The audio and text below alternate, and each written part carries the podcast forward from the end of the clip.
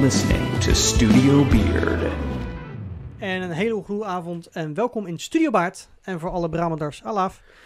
Weer lekker hebben over eh, theater. eh, en vooral wat, eh, wat Patrick allemaal beweegt eh, in het theater. En ehm, nou, waar ik heel graag altijd wil beginnen is waar het voor jou begon. Want ik weet heel veel van wat je nu doet. Daar wil Ja. ik straks nog meer over horen. Maar ehm, waar is theater voor jou begonnen? Weet je dat nog? Ja, dat nou heel lang geleden eigenlijk. Ik, ik denk dat dat er altijd wel in heeft gezeten. Ik was als kind toch altijd vrij dramatisch, kon ik zijn.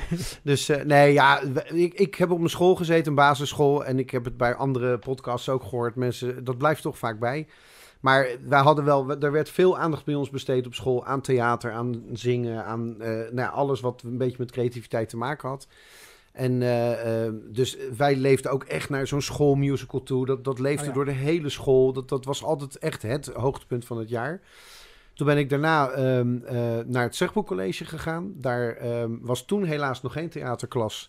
Dat is later is dat er wel gekomen. Eh, dus daar is het eigenlijk weer een beetje stil komen te liggen. Want wat voor opleiding, richting heb je daar toen HAVO is dat, ja, HAVO. HAVO. Ik, wat ik daar wel heb ge- eh, voor het eerst heb gedaan was examentekenen en kunstgeschiedenis. Dat was oh, mijn jaar, was het eerste jaar wat dat kon kiezen. Dus toen ben ik daar maar voor gegaan. Dus Cool. Even Hmm. uitstapje gemaakt naar de grafische wereld. En eh, eh, toen is eigenlijk op de PABO is eigenlijk weer de liefde voor theater teruggekomen. Want Ah. toen moest ik zelf natuurlijk eh, drama gaan geven aan, aan kinderen. En eh, dan doe je als student op school natuurlijk ook allemaal van, die- van dat soort zaken. En toen ehm, eh, heb ik daar een, een musical gedaan. eh, of tenminste, het was een toneelstuk, maar we hadden er een muzikale voorstelling van gemaakt van Mathilda. Ja. En dat is best een hele leuke productie geworden. Maar wat eigenlijk vooral daar heel erg vleugels had gekregen, was een poppenkastvoorstelling. Oké. Ja, dus dat was naar aanleiding van een project poppenspel. En ehm, ehm, ik maakte dus zelf de poppen. En met twee studiegenoten eh, gingen we daar eigenlijk best wel ver in. Tot aan een hele professionele poppenkast aan toe. We hebben zelfs in Antwerpen voor de Nederlands-Vlaamse Taalunie gespeeld. eh, dat soort zaken. Dus dat ging echt ineens heel hard. Alleen ja, we moesten ook nog afstuderen. Dus, ja, je eh, zat nog midden in je studie. Ja. Ja. toen dachten we, nou, dan moeten we toch maar eventjes nu eventjes weer op een eh, zijspoor gezet. Dus we zijn niet meer doorgegaan met die poppenkastvoorstelling uiteindelijk. En toen ik eigenlijk net op school werkte in 2000, toen kwam een collega naar me toe en die zei van, joh, eh, ik zit bij een theatergroep, theatergroep Spot. En we zoeken mensen. Dus in september 2000 ben ik daar toen maar naartoe gegaan. En eh 22 jaar later zit ik nu hier bij jullie aan tafel. Dus, Juist, eh, oké. ja, Wauw. Wauw. Dat is een eh, beetje, het, heel kort het verhaal. Ja, ja, ja, ja. Maar dus wel, even kijken, dus de echte, eh, eerste beetje theateraanraking is dan wel de schoolmusical geweest. Maar wat je zegt, heel actief op school. Dus iedereen was daar al in lagere klassen ook Ja, wel ja. bewust van. En toevallig bij mij, want ik heb ook nog een blauwe maandag op Rabarber gezeten. Maar dat was Mhm. meer omdat een aantal vriendjes van mij daar naartoe gingen. Dus ik was een paar keer mee geweest om te kijken. Maar ik vond de juf daar heel streng, weet ik nog. Ik kan, me iets herinneren dat ik dacht, nou, ik Ja, weet niet of dit nou voor mij is. Want dat ging, dat ging best al wel heel ver, vond ik toen. Mhm. En, eh, maar er zaten veel kinderen van mijn school toevallig dus op Rabarber. Die, die zaten allemaal daar ook echt in die, in die jeugdtheaterschooltjes en dingen. Dus ja, het was heel vaak eh, toneelstukjes oefenen thuis. En dan ging je dat weer opvoeren voor iemand. En ja, dus het, dat, dat zat er echt al heel jong in. Ja, Wat leuk, wat leuk. Dus, maar, dus ook al voor de schoolmusical heb je al wel ja, ja. Ja, zo'n beetje Ja. de, de, de, de kleine voorstellingjes gedaan. En ja gemaakt. de schuifdeurvoorstelling noem ik dat dan. Hè? Ja, ja, tussen de schuifdeur ja, en, de eh, woonkamer gewoon. Of op vrijdagmiddag, als je dan, eh, dan hadden we zogenaamd talentklasje. Nou, dan mocht je altijd even laten zien wat je had gedaan. De een deed een liedje, de ander deed een toneelstukje. Dat was altijd wel iets. Dus ja. En, en deed je dan eh, heel vaak zelf iets, soort, soort one-man show dingetjes? Nee, met, eh, met een groepje kinderen was het altijd wel. Ja. En, wie- en wie was dan de, de creatief leider? Nou, dat was ik niet per se hoor. Ik, ik was meer de grappenmaker. Dat was. eh, dat heb ik altijd een beetje achter me aangehad. Nee, er was één, één jongetje, weet ik nog, uit mijn klas. Die, eh, die was altijd wel. Die zat ook echt bij Rabarber. Maar die was ook daar wel heel gedreven in. Van ja, dan doen we het zo en dan doen we het zo. En, dus die ging ook altijd al regieaanwijzingjes geven. En ik dacht altijd, joh, ik vind prima, ik volg wel. ja, ja. Dus Ja. eh, ik maak iedereen wel aan het lachen. Dat vond ik altijd erg leuk. Dus eh, ja. Grappig. En, maar is dat dan ook jouw eh, achtergrond waar jij ehm, eh, je dan echt op toelegt dat je echt alleen speelt? Of waar, waar, waar ligt jouw... eh want je hebt natuurlijk... Met musical heb je verschillende Ja. dingen. Nee, dat is, ik, heb, ik heb het alleen altijd allemaal een beetje los van elkaar gedaan. Het, het grappige is dat ik dus pas, denk twee, drie, nou ja, net voor COVID, eh, eh, toen had ik de spookterrein. Dat is eigenlijk mijn Ja. eerste echte toneelstuk geweest, wat ik Oh. zelf heb gespeeld. Oké, en Ik waar heb- ging dat over? Eh, dat was een verhaal, ja, een eh, aantal reizigers die stranden op een station in Engeland. En dan wordt daar een verhaal verteld over een spooktrein. En het blijkt achteraf, blijkt het dus een soort zwendel te zijn. Ik ga er niet veel, want ja, de- ja, ja, ja. Ja, het is niet nee, leuk, ja, maar het is een, ja, een En het beetje einde is, eh, ja. Agatha Christie-achtig verhaal. Dus het, is wel, het was echt heel leuk. En eh, ja, dat was eigenlijk dus mijn eerste toneelstuk. Dus het grappige is dat ik daarvoor nooit, zeg maar, in het amateurtheater echt alleen maar toneel, heb bent gedaan. gegaan. Nee, precies. Wel gerecenseerd in, eh, voor het Haagse Theater, eh, Amateurtheater. Heb ik toen een tijdje in dat krantje gezeten. Ik heb heel veel voorstellingen gezien van kennissen en vrienden die allemaal in het Haagse Amateurtheater rondwandelen en daar dus voorstellingen doen. En ehm, dus ja, heel veel wel meegemaakt, maar zelf pas eigenlijk een paar jaar geleden pas echt gespeeld. Wat grappig. Dus dat is wel weer heel grappig, ja. Want uiteindelijk eh, is het niet alleen het spel, want je bent een beetje begonnen met het spel, maar daar zat waarschijnlijk ook vrij, zang, vrij snel zang bij. Want bij schoolmusicals Ja. zit altijd wel liedjes Ja. in. Als je een musical speelt, heb je toch vaak wel Dan ook gewoon muziek. moet je Ja. toch wel gewoon zingen ook, ja. Dat, dat zat Ja. er gelijk al bij. Ja, dat, ja. en ik, ehm, dat, dat heb ik vooral ontwikkeld bij een, een eh, kerkkoor. Dat, dat- ik ben verder zelf niet katholiek of zo. Mijn moeder is dan katholiek, mijn vader niet. Ehm, eh, en wij gingen goed met onze buren om. En die, wa- dat was echt een, een, zo'n traditioneel katholiek gezin, die dus eh, eh, elke zondag naar de kerk gingen. Dus het was op een gegeven moment, joh, we zoeken mensen voor het kerkkoor. Ja. We horen je wel eens blaren, vind je het leuk om mee te gaan? dus ik, nou ja, stond weer eens Ja, open. dus, ja, het waren dunne muren. Dus, eh, en ik mee. En, en het leuke was bij dat koor, het ging niet alleen maar om het zingen ehm, eh, op zondag.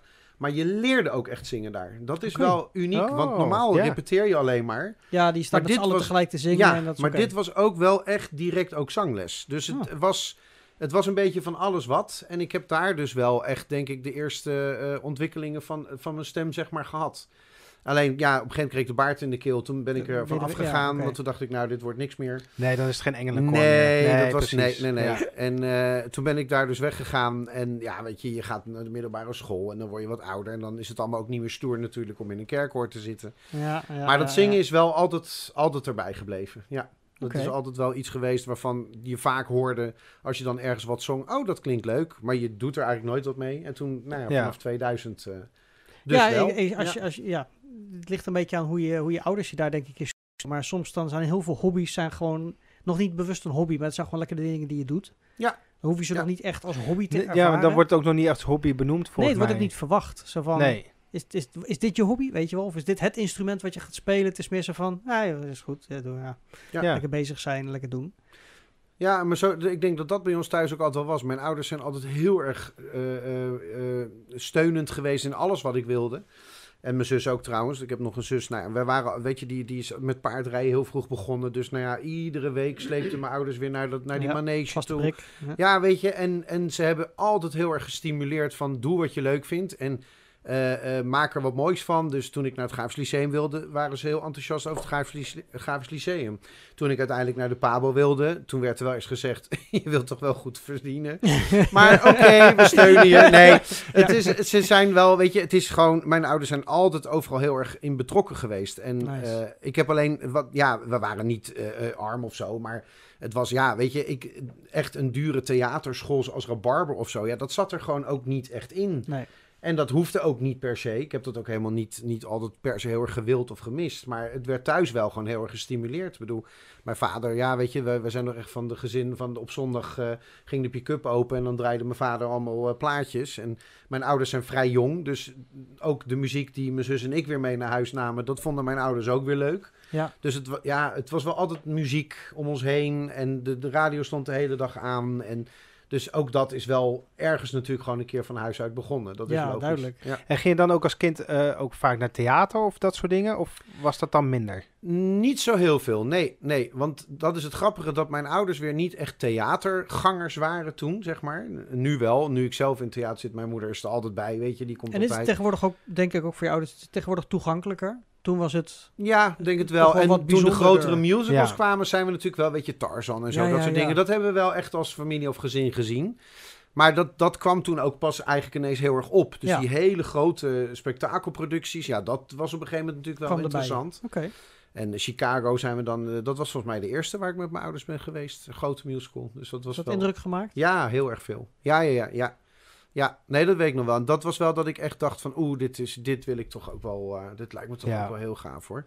Ja. Ja, vooral Ja, Chicago vind- natuurlijk ja. is heel kaal hè, wat betreft decor. En het is natuurlijk niet, dus ik noem het maar black box, maar het is, ik vond het fantastisch. Het Nou ja, ik, ik zat echt te denken van, het is best wel tricky om eh, als eerste musical dan naar Chicago te gaan. Omdat dat inderdaad echt best wel een, een- gewoon het verhaal is, ja, duister tenminste. Het gaat over gevangenis en dat soort dingen. Het is geen hairspray waar iedereen er met Nee. vrolijke kleuren, hallo.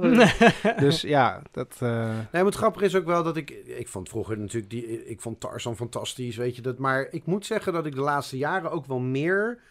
toch weer teruggaan naar dat, dat, dat minder spektakel. En dat minder... Minder bekende, Ja, het interessante, ik- het ik- verrassende. Het gaat mij toch wel echt om wat ook een acteur levert. En wat je, Ja. wat je hoort en ziet. En ik, ja, ik, ik, ja, ik weet niet of ik dat kan zeggen, maar ik ben op een gegeven moment ooit naar Mary Poppins geweest. ja hoor, zeg maar. Ja. Ik ben naar Mary Poppins geweest op een gegeven moment. En ik weet nog zo goed dat ik daar echt zat in die zaal en dacht...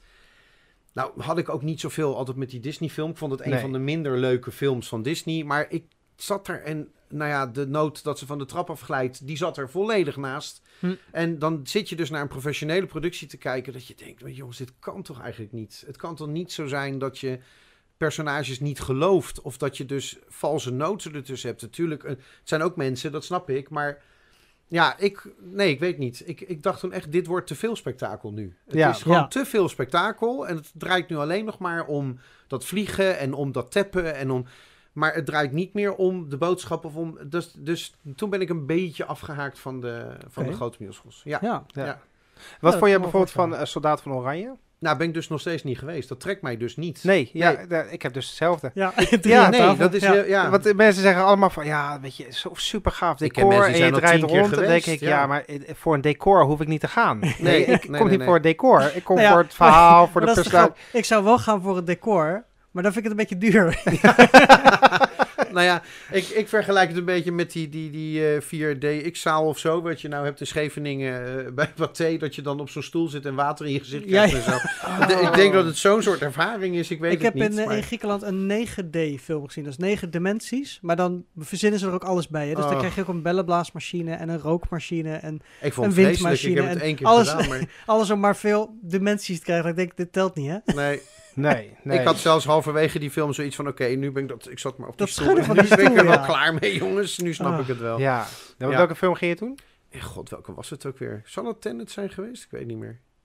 Nou, ik weet niet meer. Het was, het was wel iets... We gingen expres wel naar een film waar veel effecten in zaten. Omdat we dachten, Ja. nou, hè, als je Ja, dat dan gaat doen, moet je ook wel een goede film hebben. Ja, het is precies. inderdaad water en wind. En, en op een gegeven moment halverwege die film dacht ik, kan het uit? Ik ben het zat. het is heel Ik wil, ik wil gewoon normaal nu niet Met een handdoek. kijken. Echt helemaal zo. Ja, ja, ja. Oh, ik weet nog dat bij die film op een gegeven moment... dan zit je in een, in een koets van een paard en wagen, zeg maar. En dan gaat je stoel naar voren en achter. Ik denk, ik weet niet wat voor wagen het is... maar dat is niet wat een wagen normaal hoort te doen. Nee, Ook niet synchroon met wat je ziet. Dus dat, dat- ja, dat, Nee, trekt je dan helemaal uit het verhaal eigenlijk. ja, Eh, dat Meer dus irritant dan... eh, Ja. ja. wat je Maar zegt, ik, ik, kan ben, niet uit. ik ben dus een beetje bang dat, dat, dat ik dat effect ook zou hebben met Soldaat van Oranje, denk Ja, ik. ja, ik ja. weet niet. Ik heb geen idee hoor. Nee, maar ik snap wat je net zegt. Dat, dat het spektakel op een gegeven moment eh, de, de, de showkwaliteit Ja. gaat passeren. Dat het zeg maar een soort vuurwerkshow zonder muziek. Dat je dan denkt, ja, het- er mag ook wel iets minder vuurwerk, wat meer muziek, wat meer Ja. balans. En Ja, nou vooral balans. Ik mis af en toe mis ik gewoon echt de balans in een, in een voorstelling. Ja. Het is toch heel vaak van, eh, we hebben een vliegsysteem en daardoor kunnen, kan Tarzan kan vliegen van de ene kant naar de andere kant. Denk ik, ja, maar uiteindelijk kom je toch voor het verhaal Tarzan en voor de zang en voor eh, dat soort dingen. En of die die lange noot vasthoudt. En ja, weet je, dat zijn wel de dingen waar, Ja. waar ik ook natuurlijk voor ging. nou ja, waar ik zelf heel dicht op zit, zijn eh, eh, de, de grote producties The Lion King en Aladdin. En wat ik persoonlijk, eh eh mijn voorkeur ligt bij toneel, bij theater. eh, bij toneelstukken waar eh, dramatische scènes in mogen zitten. Waar eh, stiltes in mogen vallen en waar ehm, meer realistisch geacteerd kan worden. En dat is hetgeen ook wat ik dan mis in zo'n grote spectaculaire show. Het zijn fantastische shows, goede muziek, weet je wel. Heel veel, er zit heel veel in. Maar er zit ook misschien te veel in, hè, wat je zegt. Maar er is geen moment waarop een scène gewoon even rustig mag zijn. Waarop het gewoon even, even Nee, dat, laag dat heb je meer Want het die- moet door, weet je wel. Ja. er Ja. zit, de, de teksten Ja. gaan op elkaar door, op elkaar door. En de ene tekst is misschien wel wat langzamer dan de andere, maar er zijn geen stiltes. Tenzij het een changement is, maar weet je wel. Ja. Dat, dat Nee, je, je, soms wel. je, je hebt nu ook eh, veel musicals die ook gewoon veel sneller zijn. Ja. Eh, dus muziek is misschien niet sneller, maar het is wel eh, ja, het sneller op elkaar. Ik, Sneller ik, heb, ik heb bijvoorbeeld een, eh, een Ja. cd van eh, Starlight Express. Ja. Eh, even heel kort, Starlight Express gaat over een aantal treinen. Eh, eigenlijk is het verhaal, een jongetje is met trein aan het spelen. Elke trein komt uit een apart land. En die spelen drie races tegen elkaar. En eh, je hebt de, de, de dieseltrein, die, die gaat veel sneller... nee, de elektrische trein gaat veel sneller dan de dieseltrein. Nou, dat is een heel verhaal. Ehm, en ik heb daar de eerste versie van. En die is heel traag. Er zitten heel lange intro's in. En het wordt heel vaak herhaald. En heel lang. Tijd en aandacht. Ah, tijd en aandacht. en nu heb je dan een nieuwere versie. Ja. Het is ook alweer uit 1993, denk ik ongeveer. Maar die, die gaat al heel veel sneller. Dat is gewoon echt een klein intro, twee maten. Dan eerst couplet. Bam. En dan eh, refrein. En dan door, door, door als een trein. Gewoon woef.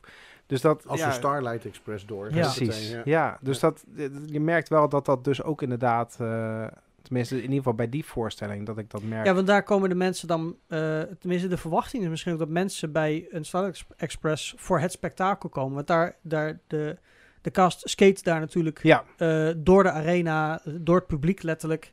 eh, met hoge Klopt. snelheid terwijl ze zingen en andere dansmoves uitvoeren. Ik heb, ik heb er wat beelden van kunnen zien. Maar dan denk ik, dan krijg ik bijna het idee dat ze dat, dat, dat willen geven. Zo van, oké, je komt voor het spektakel. Dus bam, bam, bam, hup, spektakel. En ja, ja, het verhaal wordt dan toch wel verteld. Ja, als je dat dan weet van tevoren, is dat nog, is dat nog één ding, weet je wel. Dan denk ik zo'n Starlight Express, dan weet je inderdaad waarschijnlijk, als je daar, dan denk je al van oké. maar ja, weet je, zo'n verhaal als Mary Poppins of, of ja, ik noem maar eh, eh, eens wat. Dan denk ik, ja, weet je, dan, dan verwacht je toch ook wel nog... Dat het, Scènes. ja, dat het Ja. niet alleen maar gaat over groot en veel en... Dat ik denk, nee, er zitten juist ook mooie kleine momenten in. In ieder geval wel in die film. Dat ik denk Ja. van, dat is toch wel... eh, En ik vind het ook een beetje weer... eh, een, beetje, een klein beetje het gevaar naar het amateurtheater toe. Want dat, dat is wat ik in ieder geval zelf altijd ook al die jaren wel heb gemerkt. Weet je, je gaat toch op zoek, als je stukken gaat uitkiezen, ga je eh, toch eigenlijk vaak wel op zoek naar wat vinden we nou leuk. En ja. die spektakelstukken, ja, hè, om toch even heel eerlijk te zijn, dat lukt een amateurgroep vaak niet. Niet Nee. op de manier. En dat, ik weet niet, ik vind dat altijd een beetje gevaarlijk. Dat ik denk van, eh wij hebben bijvoorbeeld zelf ooit met Theater Spot hebben My Fair Lady gedaan. En ik weet dat iedereen nog zoiets had. Dan begin je zo'n oudbollig stuk. Waar beginnen jullie Ja. aan? Het is een van de beste voorstellingen geweest die we ooit hebben gedaan. ja. En hij is Ja. fantastisch leuk. Het is Ja. zo leuk. Het is gewoon echt een ontzettend. Weet je, daar, nou, als je het hebt over de tijd nemen voor je teksten, dat is daar wel hoor. Ik bedoel, en ja, weet je, ik, ik, we hebben er echt van genoten met z'n allen. Het was echt een ontzettend leuke, leuke voorstelling. En we hebben hem echt goed neer kunnen zetten, denk ik, als amateurgroep. ja. Dus dat is wel, maar ja, de andere producties, weet je wel, eh, ja, noem eens wat. Ik bedoel, inderdaad, een hairspray. Ik vind dat een pittige voor een amateurgroep, om maar wat te noemen. Dat ik denk, ja, ja. of je moet wel zo verschrikkelijk goede zangers hebben in je groep. Tuurlijk, dan moet je misschien zeker een gok wagen. Maar ik vind het lastig, dat soort... eh, Maar denk je niet dat een amateurvereniging eh, juist daarop inspeelt, omdat ze denken dat dat makkelijk publiek is? Dat denk ik. Eh, Op publiek trekken. Ja, je, dat blijft natuurlijk altijd ook een beetje de balans. Kijk, wij, ik heb zelf dan jarenlang ook in het bestuur van Spot gezeten. En het was natuurlijk altijd de vraag, wat gaan we doen? Wat vinden de leden leuk? Maar waar trek je ook publiek mee? Want je Ja, wil uiteindelijk ja. wel je kosten terugverdienen. En je, je hangt altijd een beetje tussen die drie dingen, hang je altijd een beetje in. En dan is het altijd maar de hoop dat je dan een goede productie kiest. Nee, maar daar denk ik dat je als productie de moeilijke keuze hebt. En ehm, eigenlijk wil je het liefste een kwaliteit neerzetten Ja. van een onbekende productie. Zodat het publiek denkt, oh, Ja. we willen terug naar die vereniging, ongeacht welk stuk. Want we vertrouwen erop dat de kwaliteit er is. Ja. Maar dat kost heel veel tijd om dat natuurlijk voor Ja, elkaar te ja, krijgen. om ja. dat publiek bij elkaar te, te sprokkelen, zeg maar. Nou ja, en inderdaad, probeer maar publiek ervoor te vinden. Dat, dat is dus ook het lastige. Van, van hoe hoe Ja. trek je publiek naar zo'n voorstelling toe? Nou ja, wa- wat ik merk eh, met de toneelvereniging of de voorstelling die ik heb gezien, is dat ook heel vaak voor ensemblestukken wordt gekozen. Omdat je dan heel veel spelers erin kan zetten. Die Ja. doen allemaal mee het ensemble. Nou, tijdens de première eh, nemen die sowieso hun ouders mee. Eh, een broertje en zusje zijn al vier kaarten verkocht. Nou, als je dat met 20 personen hebt, eh, dan heb je 80 kaarten al in ieder geval verkocht Ja. de eerste avond. Eh, en dan heb je al je eerste deel weer terugverdiend, zeg maar.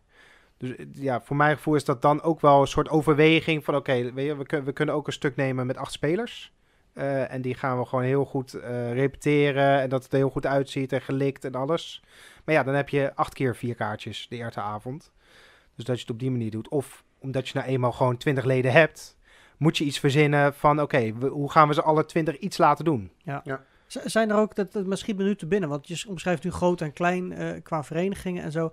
Zou, zijn er ook amateurverenigingen die een tour doen? Want wij hebben hier in Zoetermeer natuurlijk heel veel lokale verenigingen die dan in dezelfde zaal of misschien twee locaties wel eens voorstellingen hebben gedaan. Maar ik zit me af te vragen of er ook amateurproducties zijn die zeggen, nou we spelen in die drie theaters. Volgens mij zijn die er ook. Nou, de, je hebt eh, het Jeugdtheaterhuis. Ja, Eh Jeugdtheaterhuis is een toneelvereniging. eh, die zit in Gouda, in Capelle en nog een aantal locaties. En die maken voorstellingen ehm, wa- waar je dan... Je krijgt gewoon les. Maar zij maken ook één keer in het jaar volgens mij een productie... waar zij ook mee op tour gaan. Dus zij binnen gaan, hun eigen locaties. Eh, nee, Of- nee, nee, gewoon eh, landelijk. Eh, ik, ik ben daar ooit opgegroeid. Eh, Je, je groeit maar één keer op, hè? Dus. ik, eh, ja, de- en daar Ja. was ik toen. Ehm, dus nee, de, de- ik heb daar een aantal producties gedaan. Eh, en, en daar deden we gewoon echt een tour waarbij je ehm, eh, gewoon echt een twintigtal locaties hebt. eh, door heel Nederland, Groningen, eh, Maastricht, overal. En dan was het gewoon zaterdagochtend met z'n allen de bus in. En dan eh, ging je naar een theater toe, daar spelen, met de bus weer terug. En s'avonds op eh, station Gouda, in mijn geval, dan eh, werd je afgezet. en iedereen naar huis en dan eh, was het klaar. Ja. Ja, dat waren hele gave dat is wel dingen. tof, ja. Ja, Ja. in Den Haag heb je dat niet zo heel erg. Sowieso, musical in Den Haag, dat is er niet echt bijzonder veel. Daar waren we als spot ook altijd wel de enige in. Wat we wel hadden, was altijd de Sinterklaasvoorstelling. En die ging ook altijd overal en nergens naartoe. Dus daar, daar reden we ook inderdaad eh, overal mee rond. En d- waren ook een beetje op tour eigenlijk. Dat Ja. was dan drie weekjes en dan was je lekker overal en nergens aan het spelen. Ja, dat heb ik ook kunnen doen. Dat ja. is erg, erg leuk. Ja, dus nee, dat, dat deden we dan wel. Maar verder de voorstelling, nee, dat was altijd een vaste plek. Maar wij speelden ook, wat je zegt, je hebt een grote groep. Nou ja, dan moet je natuurlijk ook wel een groot stuk spelen. Dus moet je ook ruimte hebben. Ja. Dus ja, wij, wij stonden meestal in de regentest. We hebben ook het spui wel een paar keer gedaan. Maar ja, dan, dan praat je gewoon over bedragen. Die ga ik niet noemen hier, maar... Ja, we draaiden echt producties van enorme bedragen. Dat, dat, Ja. dat, en we hebben het altijd gered. Het is altijd gelukt. Maar ja, dan, dan moet je wel eh, veel van je leden vragen. En wij waren ook echt een vereniging. Dus dan, dat is ook weer anders dan een stichting. Dan ben je ook echt lid. Dus dan heb je ook wel echt verplichtingen. Maar goed, we haalden een heel groot deel van, van dat bedrag altijd ook wel echt op. Met Sinterklaasactiviteiten, met kerstactiviteiten, noem het maar op. Maar het, het, was, ja, het was toch iedere keer weer kopzorgen over hoe gaan we het allemaal rondbreiden. Gaat het allemaal lukken? Kunnen we het orkest wel betalen? Kunnen we dit wel betalen? Nou, en uiteindelijk kwam het altijd goed. Maar het- ja, kijk, dat is anders dan bijvoorbeeld een, een vereniging in Den Haag die alleen maar toneelstukken doet, waar zes spelers zijn. Ja, Nou, die gaan dan staan in Theater de Kunsthut of waar dan ook. En dan speel je voor 40, 50 mensen. En dat doe je dan twee, drie avonden. Dan heb je ook je kosten eruit, snap je? Maar dan is ja het- maar dan heb je alleen de kosten waarschijnlijk Ja. van het script. Maar Ja, dan niet eh, nee. de muzieklicenties en dat soort dingen. Ja. En die spelen vaak ook wel eh, gewoon waar ze repeteren bijvoorbeeld. Hè? Dat is Ja. meteen dan dat je en repeteert en je voert er ook gelijk op. Ja, die luxe hadden wij helaas niet. Want wij repeteerden altijd in Don Bosco en Rijswijk. Nou ja, dat is gewoon een oude judozaal, zeg maar. Daar kun je En geen Daar voorstelling kan je geven. geen voorstelling geven. Nee, dus Nee. dat... eh, nee. Dus we moesten ook wel altijd uitwijken. En in Den Haag is alles gewoon vreselijk duur. Dus dat, Ja, ja, ja. Ja, is- overal is het duur tegenwoordig. eh. Ja, en Nederland is dan toch een beetje eh, gekaapt van zijn theaters. eh, want in Nederland zijn ook heel veel theaters natuurlijk verdwenen. Vooral de kleine zaaltjes. En, of ze hebben nieuwe bestedingen. Het is niet echt meer een theater. Eh, Ja. Hier in Zoetermeer natuurlijk ook eh, zien gebeuren. Dingen die afgebroken worden of andere bestedingen krijgen. Dat, ehm, Ik vind het nog steeds jammer dat we in Nederland niet gewoon een grote theaterstad hebben. Waar je in elke, elke hoek van de straat een theaterzaal binnen Ja, kan lopen. Ja, Ja. in Amsterdam heeft het, ze zeggen dat Amsterdam het een beetje heeft, want die heeft wel een aantal zalen eh, binnen. Amsterdam. Eh, maar het is geen Broadway of eh, West End Nee, of iets. Dat, Den eh, Haag, ja, je hebt Diligentia, Pepijn, weet je, dat ligt dan allemaal een beetje zo bij dat, ja, en dan de. Schouwburg en, maar ja, het is ook niet echt dat je nou zegt, goh, Nee, maar het lijkt ook allemaal... Ja, Diligentie en Papijn zijn dan samen. Maar ja, de theaters zijn toch allemaal een beetje individueel. En ik, dat, dat, dat is- dat in Londen en in New York niet per se anders of zo. Maar ik weet niet, het voelt daar meer eh, een cultuur. Eh, als Ja. je, als je eh, op, op, op Times Square loopt, ja, dan word je doodgegooid met alle maar ik heb het idee dat het daar ook, net als in Duitsland is het volgens mij ook veel groter. Ik heb Ja. het idee dat het daar ook veel meer net zo hoort als bij, als je uit eten gaan. Dat is, daar, daar ga je of uit eten of je gaat naar theater. En hier Ja. in Nederland is het toch Ja, iets heel veel speciaals. bioscooppubliek. Ja, en het, ja. Ja. Ja, Van die mensen die nog net geen bak popcorn eh, op schoot hebben in het theater. Ja, dat geloof ik zo. dat is echt... Ja, dat- gewoon, eh, ze halen... Daarentegen ja. zitten ze in de bioscoop nu tegenwoordig altijd met elkaar te kletsen tussendoor. Dat is weer zoiets, maar goed. ja, maar nee, maar dat ja, is het. Dat, Het is, nee, ja, je hebt gelijk. Het vervaagt een beetje daartussen. En ja, ik weet niet, maar het is ook een soort van uitje of zo. Weet je wel, als je ook ziet hoe mensen wel eens reageren op voorstellingen op Facebook. Zie ik wel eens te lezen van die reacties. En dan ook van, oh nou, en dan dat wordt al maanden van tevoren gepland. En dat ik denk, ja. Terwijl je zou eigenlijk, ja, oké, nu met COVID was het even anders. Maar ja, je zou eigenlijk gewoon, bij wijze van spreken, s ochtends moeten kunnen bedenken: oh, ik ga straks even naar het theater toe. Ja. Maar ja, dat hoef je vaak niet te proberen, want het is al maanden van tevoren uitverkocht. Nou, ik heb het in Ja. het verleden wel eens gedaan. eh, ook omdat hier bijvoorbeeld in Zoetermeer het Stadstheater eh, eh, relatief grote shows heeft. Maar dan altijd wel een stoeltje vrij. Dus als je alleen Ja, gaat, ja. is het altijd wel makkelijk om nog last minute een kaartje te krijgen. En ja, soms zit je achterin, soms zit je aan, de, aan het uiteinde van een rij, weet je wel, of helemaal op het balkon. Maar ja, dan toch kun je die voorstelling zien. En eh, ik heb wel leuke voorstellingen daarmee Ja, eh, ja. ja, bezocht. En juist omdat het last minute is, heb je ook niet te veel keuze. Want dan, als je heel veel keuze hebt, als je door het hele boekje heen gaat zitten bladeren en alleen maar uitkiest wat je al kent. Of Ja. dan blijf je ook wel altijd naar dezelfde dingen ja, gaan. nu is het verrassender. Als je dan ja. ergens... eh, ik heb toen Wim Helsen gezien eh, in de kleine zaal, het Stadstheater. En eh, ja, Welke inmiddels... voorstelling? eh, ehm, bij mij is het gevaarlijk. Is dat met die begrafenis of niet? Ik weet niet of er een begrafenis in zat. Maar het, er zaten twee hele leuke elementen in die me altijd bijblijven. Dat is een kist waar die de hele show, zeg maar een flight case, waar die omheen speelt. En in het verhaal heeft hij dus iemand die hij niet meer ziet. een ex. Maar hij vertelt niks over de kist. Mm. dat is gewoon een indirecte interpretatie die gewoon blijft spelen. Ja. Ehm, en tijdens de voorstelling eh, beschrijft hij de situatie dat de hele wereld in een salamander verandert. Behalve de mensen in de zaal. Oh, Waarbij ja. dus Ja, ook de formule bij mij zei het geveilig. Hè? Dus in zijn voorstelling verander je niet in het salamander. Maar de rest van de wereld is allemaal in een salamander. En dat hij de baas is, toch? Is dat Nou ja, dan? dus dit, dit is het. Dit is de wereld. Dit, wij zijn de mensheid. En dat, dat concept neemt hij een tijdje mee in zijn show. En dat vond ik zo knap. Dat dat Ja. op dat moment, je wordt gewoon, je wordt erin geluisterd. Want hij vertelt dat, het is komiek, weet je wel. Ja. Maar voordat je het weet, zit je echt serieus mee te denken. Ik hou daarvan.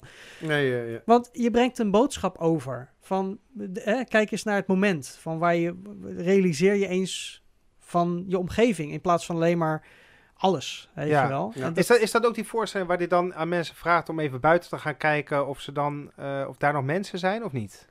Het zou kunnen, dat kan ik me niet... Oh eh, ja, ja, ik heb. Ik heb Maar het kan ook natuurlijk zijn dat hij net even varieert, hè? In zo'n Ja, show, dat als zou het publiek kunnen, niet helemaal ja. wakker is. Ja, Of niet helemaal Even meegaat. buiten Ja, ja, kijken. ja. En Ja, inmiddels door, daar, de, ja. door de slimste mensen en andere eh, eh, programma's die hij natuurlijk heeft gedaan en, en zijn eigen eh, theatershows is hij wel bekender geworden. Maar het is jaren geleden dat hij, ja, dat hij ook in Nederland eh, Ja. aan het toeren was. eh, Ja, hij is een dat hele soort dingen. goeie. Het is zo Ja. heerlijk Ja, als je dat ja, ja. tegenkomt.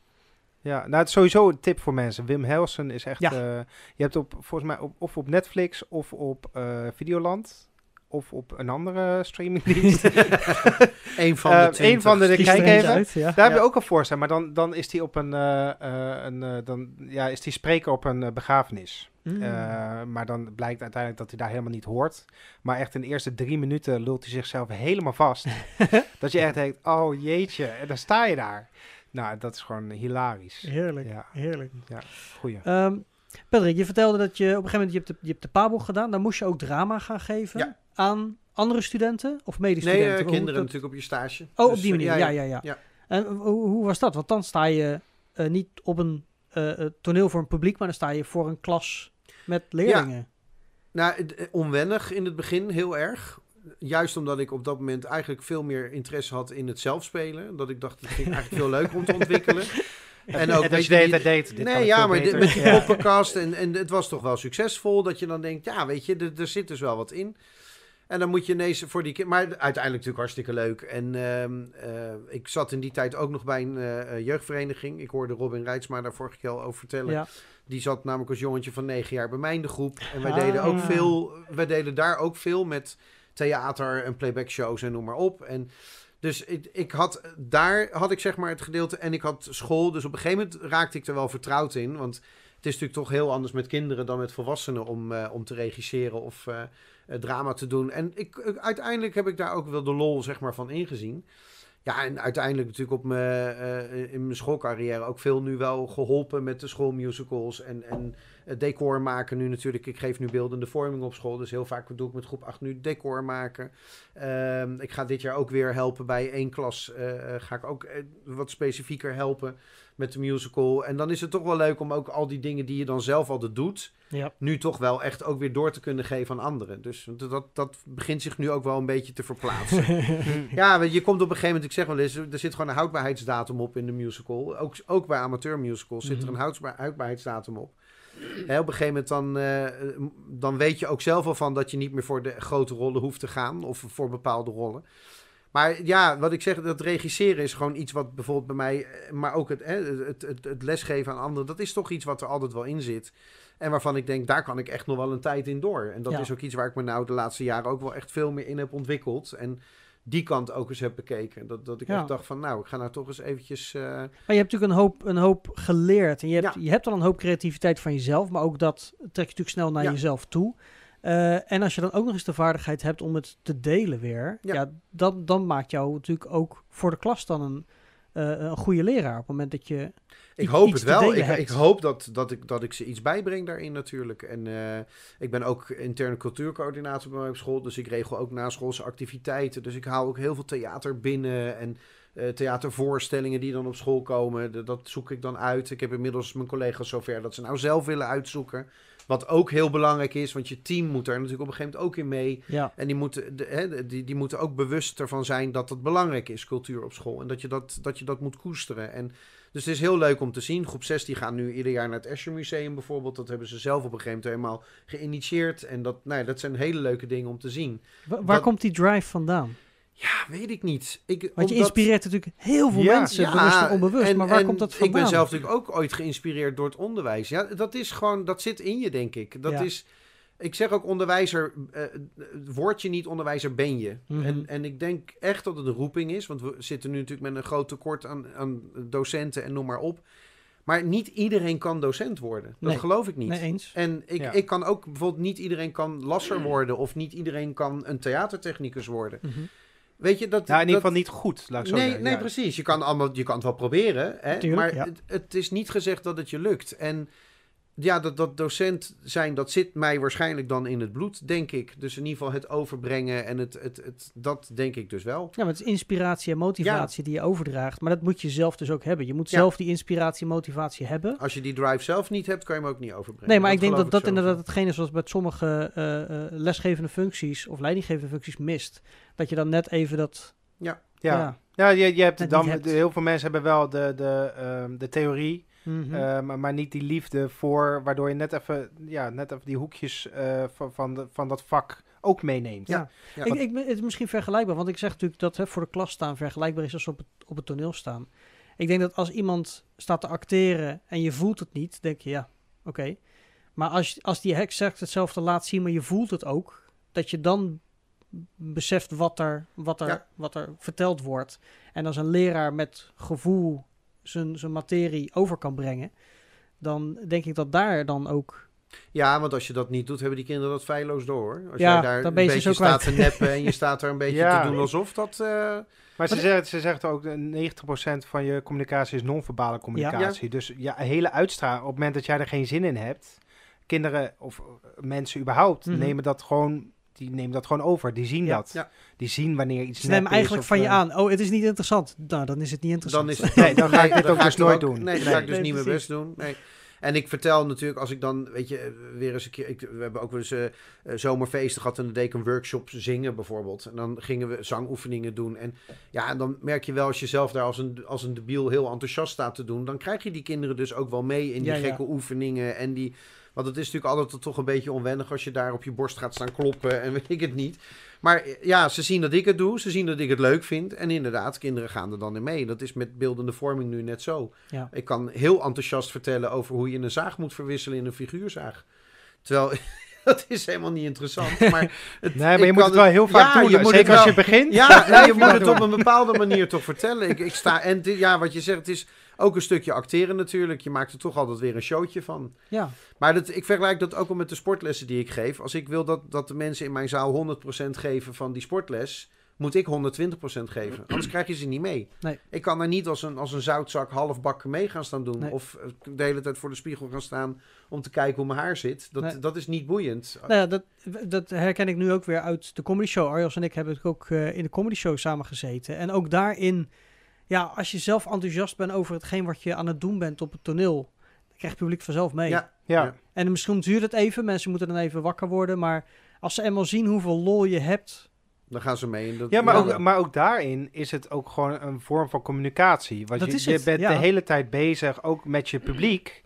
eh, van oké, eh, reageren ze hierop? Nee, ze reageren hier niet op. Reageren ze daar? Daar reageren ze wel op. Oké, dan kan ik dit doen. Dan gaan ze daar. Oké, dan heb je een soort wisselwerking. En, en dat, dat is wat ik ehm, toch ook heel vaak eh, gewoon in bedrijven heel bewust Ehm, meemaak. heel bewust meemaak, is dat ze totaal niet bezig zijn met wie er voor zich staat. En dat heb ik echt al, eh, bijvoorbeeld als je bij de kassa bent. Hmm. Ja, weet je, het is gewoon een goede morgen, omdat ze dat ooit een keer geleerd hebben.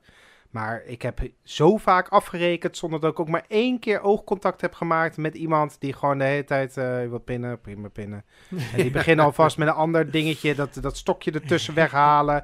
En eh wil je de bon nog? Nee, oké. En dan gewoon niet aankijken. Dat ik echt denk, hè? Maar dit is gewoon, dit, is gewoon het begin. Ik, ik, ik vraag me soms wel eens af, waarschijnlijk ben ik dat ook, maar ik, ik, ik vraag mezelf af of ik dan niet heel vermoeiend ben voor mensen, omdat ik de hele dag met iedereen eh, oogcontact maak, gedag zeg, communiceer. Al ben ik zo al tien keer voorbij gekomen, dan zeggen ze nog steeds gedag. Ja. Maar dat is gewoon... Dat, Nou, ik dat onthoud is ook wel het- wie ik gedag heb gezegd. Maar ik, Nee, het is niet, ik doe het het zelf is niet dat ik het vergeet, Ik, maar het, het, het, het is een soort goeiedag. van... Goeiedag. Oh, oh, nou ja, oh ja. Het, het, het- het bouwt wel langzaam af, maar ehm, het, uit, uit, uit, eh, het is sociaal, eh, het is communicatie en ik weet niet, een soort van, ja, je, bent- je bent bezig en je rent om elkaar erkennen heen. dat en- iemand er is. Dat is hetzelfde Ja, als dat. ik, dat ik...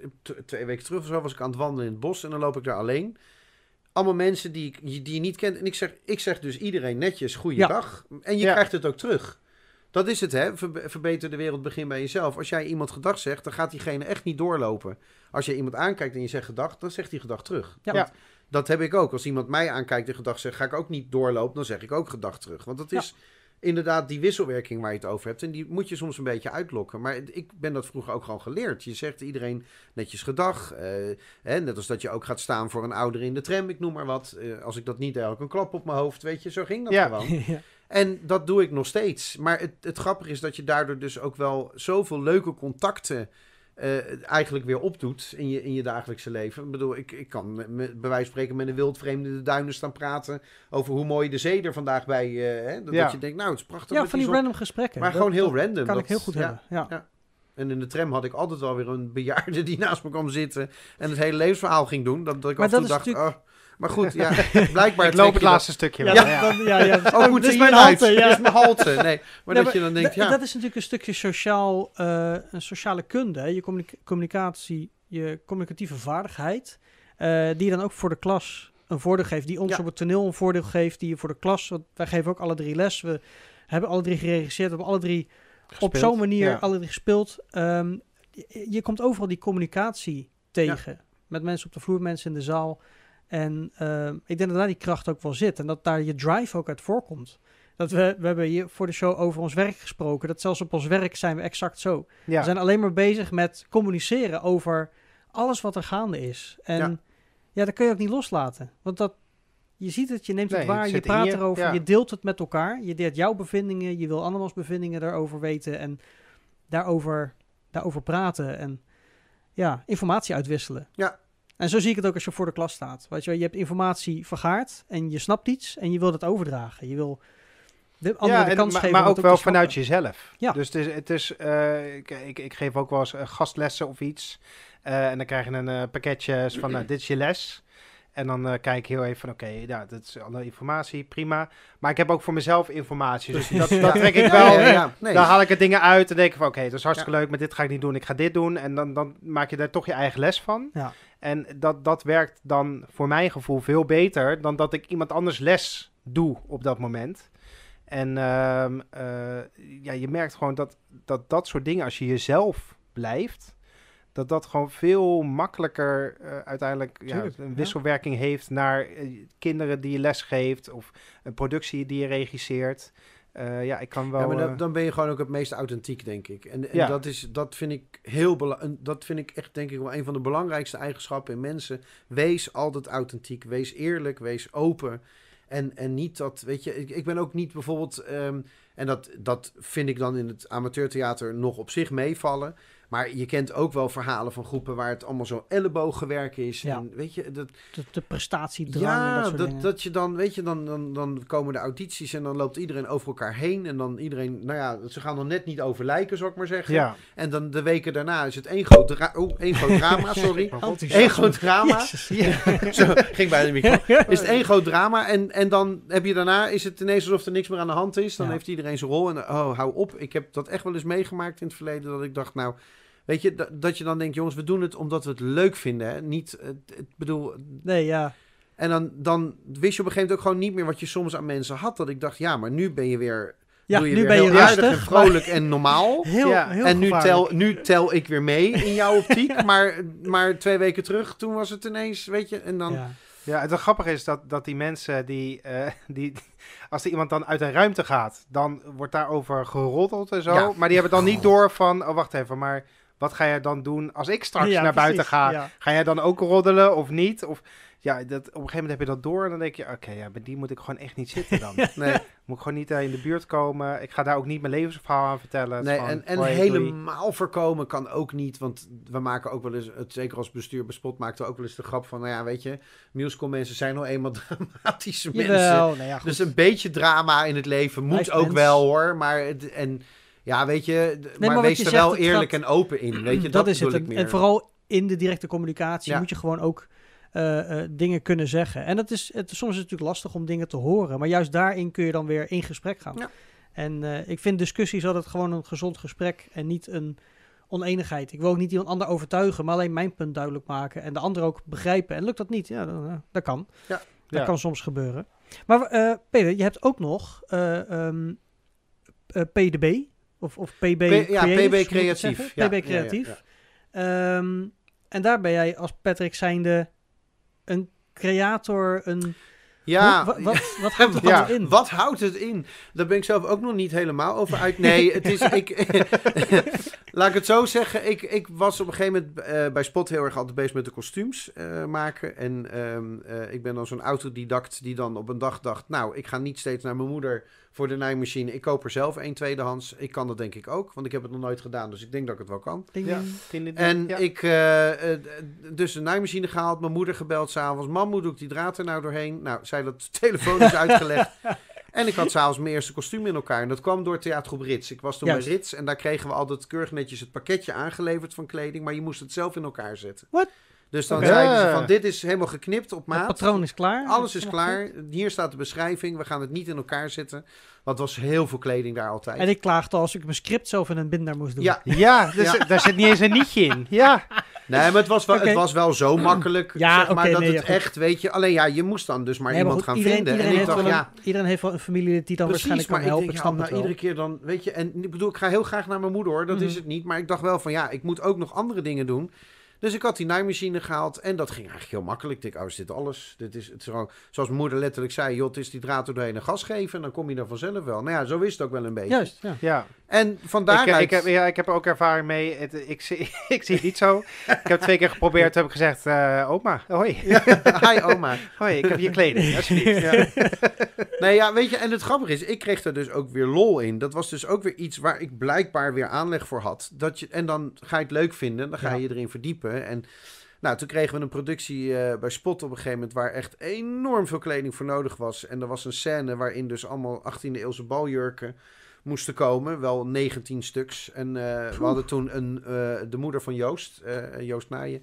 Zijn moeder die was eigenlijk vaste kledingmedewerker. Ja, Ja. Marie, Ja. ja. Ja, nee, sorry. Ja. Mariette Naaien. Ja, maar ik vond ook was het heel toneel goed op goed de- Rits. Toen dacht ik ook van ja. Ja, ja, ja. Hij verzint het waar je bij ja, staat. ik verzin het waar ik bij zeg. Ja, maar goed. Nee, en ja. ehm, eh, toen zei ze nog, want het ging echt om een scène van, ik denk twee minuten. En, we hebben die het ja. Toch gedaan. Ja, want eerst was het, ja, moeten we dat wel doen? Ja, ik zeg maar, geloof me nou, ik zeg, als ze er dadelijk staan, die twee minuten, dat Is wordt het zo mooi. Toch wel.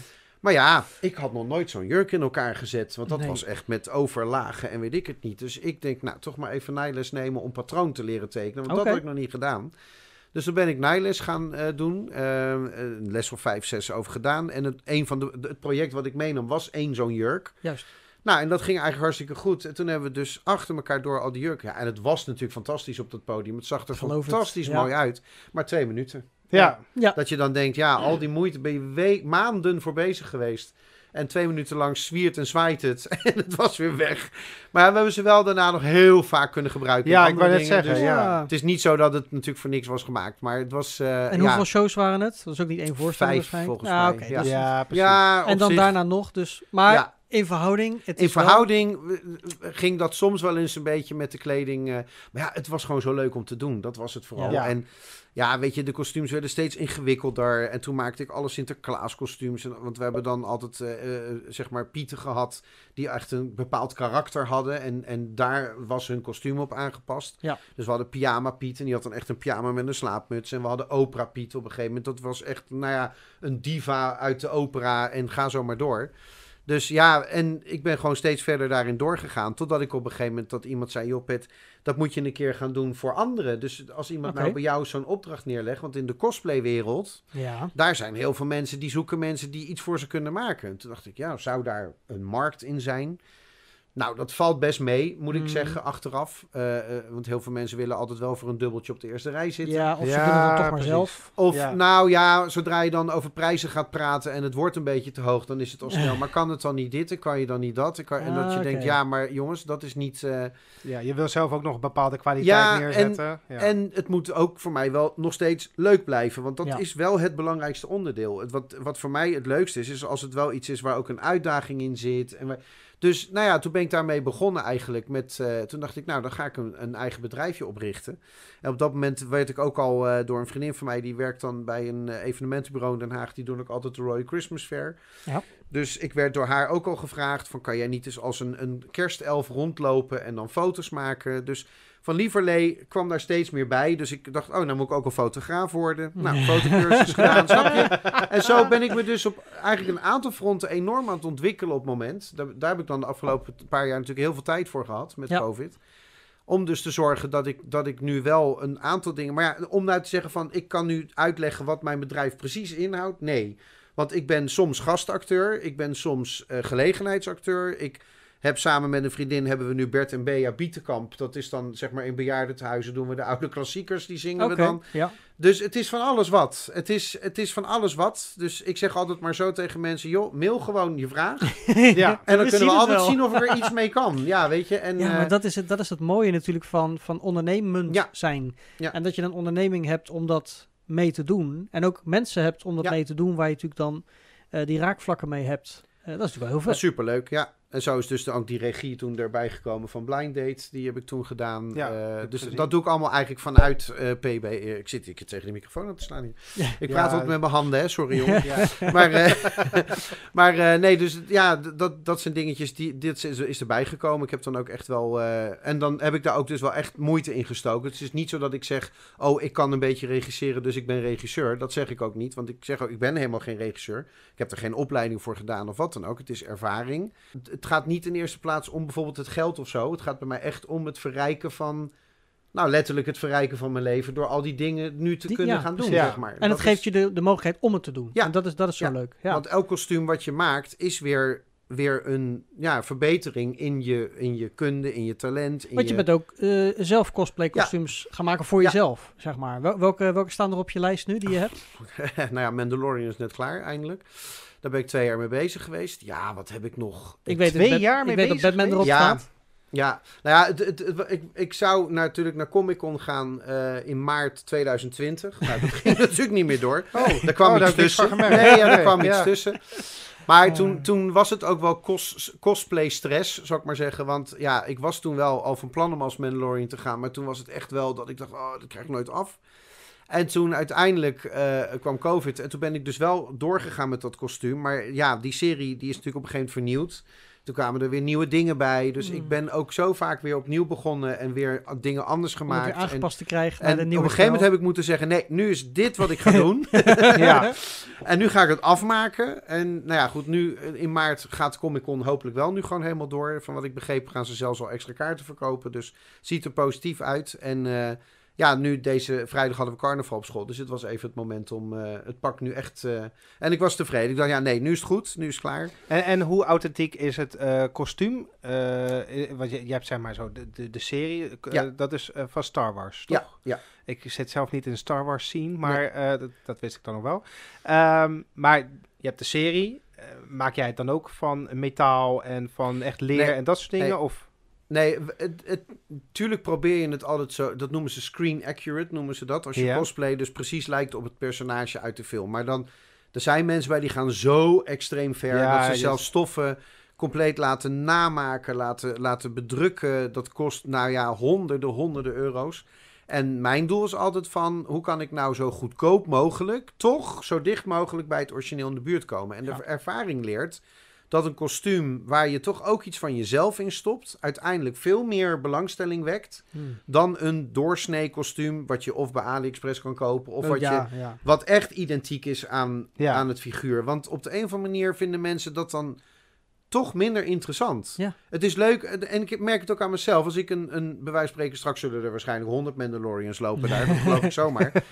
En dan Dat weet ik dan ben je zeker dat jezelf ik, kwijt. Nee, Ja, maar dan, weet ik, ja, nou, maar dan weet ik zeker dat ik bij 10 van die Mandalorians denk, ja, dat is exact het kostuum uit de serie. Waarschijnlijk is het ook zo gekocht. Het is niet, dat is leuk en Mhm. dat is gaaf. Maar ja, en wat, ik heb het met Doctor Strange ook al een keer gehad, die had ik ook gemaakt. En eh, toen had ik dan een stofje voor de binnenkant van de cape. Dat was niet exact de stof die het moest zijn, maar het leek erop. En het grappige is dat ik dus, dan loop je daar over die Comic Con en ik ben achter elkaar door op de foto geweest met mensen. En er liepen nog tien Doctor Stranges die allemaal het kostuum zeg maar hadden besteld via zo'n cosplaywinkel. En die lopen door en niemand wil ermee op de foto. Want nee. het is te, te echt of zo. Ja, ik kan het niet helemaal Nou, maar ik, beschrijven, ik, maar, ik, ik kan me wel voorstellen, want... de eh, creativiteit zien mensen er echt wel van Dat af. is het ook. En, en ik vond het vaak eh, veel interessanter om een kostuum te zien waar, wat je zegt, die eigenheid, maar waar je dan vooral ook, je weet niet echt wat het is, maar het is gewoon, je ziet een soort creativiteit. Ja, en bepaalde Waar- oplossingen. Van hoe heb, Ja. je dan, hoe heb je dan een oplossing gevonden voor eh, de riem? Of hoe heb je. En dat vind ik zelf ook het meest interessant. Als ik daar rondloop, dan kijk ik natuurlijk ook naar andere kostuums. En dan vind ik het ook heel gaaf om te zien. Ik, ik heb bijvoorbeeld ook nu heel veel onderdelen van foam gemaakt van die vloermatten. Dat is iets waar, waar ze veel mee werken. Ja. En dat vind ik ook, dat, ja, als je dan soms ziet, er is bijvoorbeeld één jongen, die volg ik dan ook op Instagram, die maakt Iron Man, maar die maakt alles van karton. Ja, ja, ja. En dat is nou zo bizar om te zien. En dat vind ik dan duizend keer gaver om te Ja, zien. ja, dan zeker. iemand die op een printknopje drukt Ja. en zijn hele kostuum afdrukt, letterlijk. ja, ja, ja, ja, ja. En dan, weet erin je, stapt en... eh, ja, ja. dat je denkt, nou ja, en ik, er zijn bij mij ook onderdelen geprint hoor. Ik bedoel, dat zeg ik wel eerlijk. Maar, eh, want er waren toch bepaalde dingen die ik gewoon niet goed nagemaakt kreeg. Maar dan, ja, weet je, het is... Ik probeer dan gewoon, want ik, de kleur is bij mij niet helemaal juist van, de, van het Vlekfest. Dat is niet helemaal dezelfde kleur grijs. Maar dat vind ik ook niet erg, want dan denk ik, het, totaalplaatje, dat komt dus wel over. En Juist. zoals ik hem ook op die foto's terug zag, dacht ik, nee, dit is, dit is de Mandalorian, zoals ik hem dus inderdaad heb geïnterpreteerd. En dat is dan het leuke weer aan die, eh, aan die cosplays. Nice. En zijn er nog, zijn er nog eh, kostuums die je wil gaan maken? Nou, ik, ja, al ik- ideeën of mag je dat niet vertellen? nee hoor, jawel, jawel. Nee, voor, voor ehm, wat er nu op de planning nog staat, maar of dat dit jaar gaat lukken, dat is voor Elvia, zou er nog een faune-kostuum ergens moeten komen. Fauna? Faun, ja, dus echt eh, dat je op van die hoeven loopt, zeg maar. Oh, dus dat, ja, oh ja. dat is een heel ander ingewikkeld systeem. Maar dat is in april al, dus ik denk niet Oef. dat dat dit jaar gaat lukken. Daar gaan we zondag Ja. geloof ik even over zitten om te kijken wat de plannen zijn. Maar ik denk dat we die naar volgend jaar moeten doorschuiven. En eh, ja, ik ben nu heel erg in de High Republic bezig van Star Wars. Dat is eh, helemaal nieuw, eh, allemaal in boeken en comics. Dat is nog niet eh, op serie of film of wat dan ook. Dat speelt zich ook honderden jaren voor eh, de hele Star Wars saga af. En daar zitten toch personages in waarvan ik ook wel denk, nou... Er zitten er wel een paar bij die heel interessant zijn om eens te kijken of we daar... eh, En, het leuke daarvan is dat niemand ze dus ook nog echt goed kent. Dus Nee, precies, omdat ze nog niet in de grote filmreeksen voorbij zijn gekomen. Maar, maar wat trekt jou dan het meest in zo'n outfit? Dat je denkt, dit vind ik interessant? Ik kijk allereerst naar de leeftijd. Dat klinkt heel gek misschien, maar dat is wel ehm, waar ik heel erg naar kijk. Eh, Iets wat bij jou als ja. persoon ook past als outfit. Ja. Want we hebben dan een hele club mensen waar ik dan cosplay mee doe. En eh, we zijn dan november 2019 zijn we naar Comic Con geweest. En toen hebben we allemaal karakters uit Batman gedaan. Want toen zaten we ook op onze app van, ja, hoe, wat gaan we doen jongens? Wat, eh, en ik zat van, nou ja, ik wil eigenlijk heel graag Batman cosplayen. Want in de comics is Batman al ver over de 50. Ja. Dus die, ik zeg, zo oud ben ik nog niet, maar Nee, maar daar je- kan ik wel voor door. Ik zeg, Ja. ik moet niet bijvoorbeeld Robin willen spelen of dat moet ik niet willen doen. Nou, en Joost die had zoiets van, nou, ik wil dan wel eigenlijk Robin cosplayen. En zo van lieverlee begon iedereen een karakter uit te kiezen. En toen zijn we dus als één grote Nice. club zijn we daar naartoe geweest. Dat was heel erg gaaf. Maar ik kijk vooral eerst naar... Is het iets wat bij mijn leeftijd past? Juist, Want ja. ik denk dat cosplay voor alle leeftijden is. Je ziet ook Ja. mensen rondlopen daar Oh ja hoor. ver in de 70, 80... die daar echt nog gewoon... Maar je, je moet wel... En dat is ook waarom een cosplay slaagt, denk ik. Eh, er liep bijvoorbeeld ook een meisje als Doctor Strange. Want er is ook heel veel eh genderband... en dat moet iedereen Tuurlijk, zelf ja, weten. ja. Ja. Maar dat trekt, geen, dat trekt geen publiek. Het is anders. Het is dan wel, het is nog steeds een gave cosplay, maar inderdaad, wat je zegt, want er zijn ook, er is ook een zo'n lookalike, zo'n Strange, Doctor Strange lookalike. Ja, Ja, ja. en dat is, het is ook overweldigend, want dat is iemand die heeft niet alleen de outfit, maar ook de looks. Dat je denkt, ja, ik denk wel- dat je... dit we staan ook met hem op de foto, ja. Ja, Hij was er toen ook. Die heeft ook echt die... Ik heb zelf... Ik ben, ik ben ook aardig grijs aan het worden. en ik, maar ik had, ik had toen ook mijn haar echt zo gedaan. Ik was grijs aan de zijkant. Ja, een baard groeien lukt me helaas niet. Want dat heb ik wel eens geprobeerd voor Obi-Wan Kenobi. maar na vijf maanden had ik nog alleen maar stoppels. Dus, eh, Eh, maar dat trekt mensen dus eerder dan wanneer dus inderdaad een, een dame daar gaat lopen en, en als Doctor Strange. En dan, weet je, en dan, ik snap het idee achter dat genderband wel, maar het is niet, het is niet populair. Het is niet... Nou, maar ik, ik denk dat daar een hele interessante tweescheiding zit tussen mensen die inderdaad een character kiezen omdat Ja. ze het gaaf vinden Ja. en daardoor zelf dat character willen zijn en daar een cosplay op maken. Waanzinnig gaaf. Maar ik waardeer het ook altijd als mensen een cosplay weten te vinden die bij hun past. Ja, precies. Want dan komt het eigenlijk nog meer over. ja, Dan, ja. ik bedoel, ja, weet je, een Spider-Man pak hoef ik niet aan te trekken. Dat, dat zou ik ook niet gaan doen. Nee, snap dat je? zou ons Maar- ook anders nee, staan. Nee, maar- ja, dat Dat is, ja, dat eh, kan. Maar begrijp je? Maar Dat, dat, dat, dat is verklaart iets- wel die pizza's. Nee, maar Ja. goed, weet je, en in die High Republic, daar zitten dan ook, eh, ja, dat zeggen jullie misschien niks, maar Twi'lek, dat zijn die, die figuren met die lange tendrils aan hun hoofd. Mhm. En daar zit dan ook toevallig een personage in die High Republic, en dat is dit keer dan dus een mannelijke Twi'lek, die dan ook nog eens Jedi Master is. Nou, dat, dat zou weer een hele gave aan. cosplay Ja, zijn. ja, ja. Maar, maar dat aan. zijn eigenlijk dus altijd personages die al bestaan, waar je dus een voorbeeld van hebt. Ja, Ja, want jij dat- maakt geen, geen eh, ik, ik ben niet heel erg in de cosplay, maar eh, maak je ook wel eens gewoon fantasy Ja, dingen ja, die ja niet want eh, nou, ik heb natuurlijk nu een aantal keer met Oberon meegedaan ehm, eh, van Storytellers. ja, dat is een elf, elf Daar was ik ook dan Ja. Oberon, maar dat kostuum, dat had ik al lang daarvoor had ik dat gemaakt en ontworpen. Dat was niet per se voor Oberon. Dus nee, precies. ik ben naar Elfenjaar gewoon een keer als elf gegaan. Dus dat, en dat is dan heel vrij. Het lastige daaraan vind ik wel, ik ben, daar moet ik altijd wel echt de tijd voor nemen voor zo'n kostuum. Omdat, ja, als je ik eenmaal- inspiratie. ja, eh, en bij mij gaat dat dan alle kanten op die creativiteit. en wat, wat ik fijn vind met een cosplay namaken, is dat het wat meer gekanaliseerd ja, is. Dus ik, precies. dan heb ik niet zoveel kans om uit te wijken, zeg Nee, maar. En dan nee. krijg ik het ook nog binnen afzienbare tijd af. Maar als ik, ik bedoel, ja, als ik gewoon een fantasy kostuum, nou, dan kan ik zo een jaar, Ja. makkelijk een jaar mee bezig zijn, denk ik. En dan vind ik het misschien nog niet goed. Dus dat is, ja, weet je, dat is, ja, maar zo'n kostuum blijft dan ook leven. ja, ja, Ja, dat, dat wel. is alleen maar tof. ja, ik heb eh, nog wel eens dingen die ik dan uit de kast pak en denk, oh, of dan denk ik, oh, dat kan ik wel even ombouwen daar weer voor. En dan doe ik dat er nog bij en dan is het weer, nou ja, zo Ja, ga je daarmee aan de slag. Ja. gaaf Duidelijk. joh. Ja. Hey boys, eh, het uur is alweer om. Ah, jeetje, gaat Ja. Ja. Ja, dit was alweer deze aflevering van Studio Baard. Zo snel gaat dat. Ja. Maar ik vond het tof om te horen, want ja, kijk nogmaals, ik, ik wist een paar dingen, wist ik al, maar nu weet ik het hele verhaal eromheen ook. eh. en ik vind, het, ik vind het gaaf om te horen dat ook jij iemand bent die eh, eh, nieuwe generaties ook weer kan motiveren en inspireren om theater en andere creatieve richtingen op te gaan. Want het is, het is iets wat, wat zeiden wij ook, zeg maar niet alleen qua communicatie, maar ook als persoon. Het ontwikkelt veel meer. Als, je, als je kinderen leert iets te creëren, dan alleen maar iets te, ja, iets theoretisch te leren, zeg maar. Ja. Eh, Nou ja, dan moet toch ooit iemand eh, op een gegeven moment toch die vreselijke ziektes kunnen gaan genezen en zo. En daar moet je toch een bepaalde creatieve denkslag voor hebben. Wil je daarop gaan komen? nou, Dus, dat, eh, dat vind ik mooi gezegd. Ja. Ja. Mooi gezegd. Laten we daarmee afsluiten. toch? ja, vind ik een goeie. Arjos, jij natuurlijk ook bedankt eh, voor je co-hosting vandaag. Graag gedaan. En eh, ja, eh, Patrick, ontzettend bedankt dat je onze gast wilde zijn. En eh, hopelijk tot snel in het theater. Dat geldt voor iedereen. En eh, voor alle luisteraars en kijkers, eh, ik zou zeggen bedankt voor het kijken, luisteren en tot de volgende keer. Doei doei. Doeg. Thank you for listening to Studio Beard.